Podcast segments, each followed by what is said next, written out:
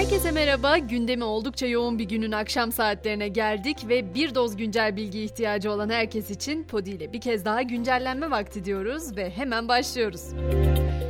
Bugünün en çok konuşulan olayı tabii ki İstanbul Büyükşehir Belediye Başkanı Ekrem İmamoğlu'nun YSK üyelerine hakaret ettiği iddiasıyla yargılandığı davaydı. O davada karar çıktı. Mahkeme 2 yıl 7 ay 15 gün hapis cezasına hükmetti. Bu karar İmamoğlu için siyasi yasak anlamına geliyor. Eğer karar onanırsa İmamoğlu Cumhurbaşkanı adayı ve 2024 yerel seçimlerde belediye başkanı adayı olamayacak. Bu arada İmamoğlu karar ne olursa olsun İstanbulluları Saraçhane'ye davet etmişti. Orada da kalabalık bir hayli arttı. İmamoğlu İyi Parti lideri Akşener'le birlikte İBB binasına geldi. Almanya'ya giden CHP lideri Kılıçdaroğlu da özel uçakla İstanbul'a dönüyor.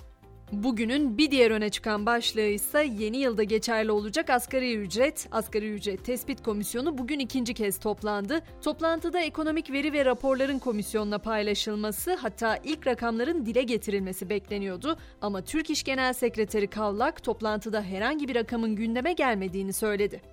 Yine sabah saatlerinde bir iddia vardı. İş yeri tarafından verilen yemek kartlarının bundan sonra yemek dışında hiçbir alışveriş için kullanılamayacağı iddiasıydı. Yemek Kartları Derneği Başkanı Öner Piyade bu kartların marketlerde kullanılamayacağı iddialarına karşı açıklama yaptı ve yemek kartında değişen bir şey yok diye konuştu.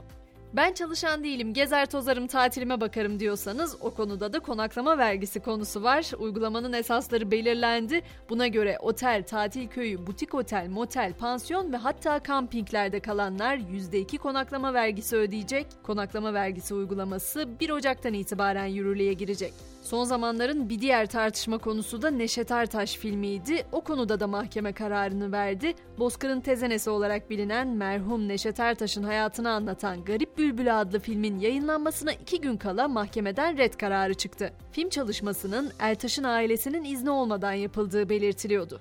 Şimdi yolculuğumuza biraz Avrupa ile devam edelim. Biliyorsunuz orada çokça konuştuğumuz konu enerji krizi. Avrupa Birliği üyesi ülkelerde ithal doğalgaza uygulanacak tavan fiyatta anlaşma yine sağlayamadı. Enerji Bakanları 19 Aralık'ta tekrar Brüksel'de bir araya gelecek.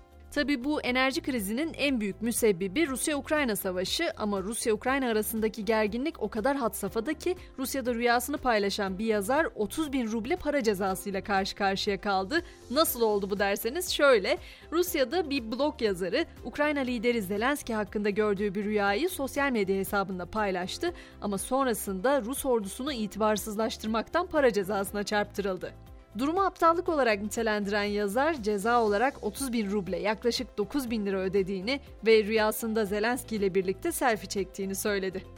Savaşlardan, krizlerden söz etsek de teknolojide aldı başını gidiyor. Araba kullanırken oyun oynayabilirsiniz artık desem mesela birçok kişi muhtemelen inanmayacaktır.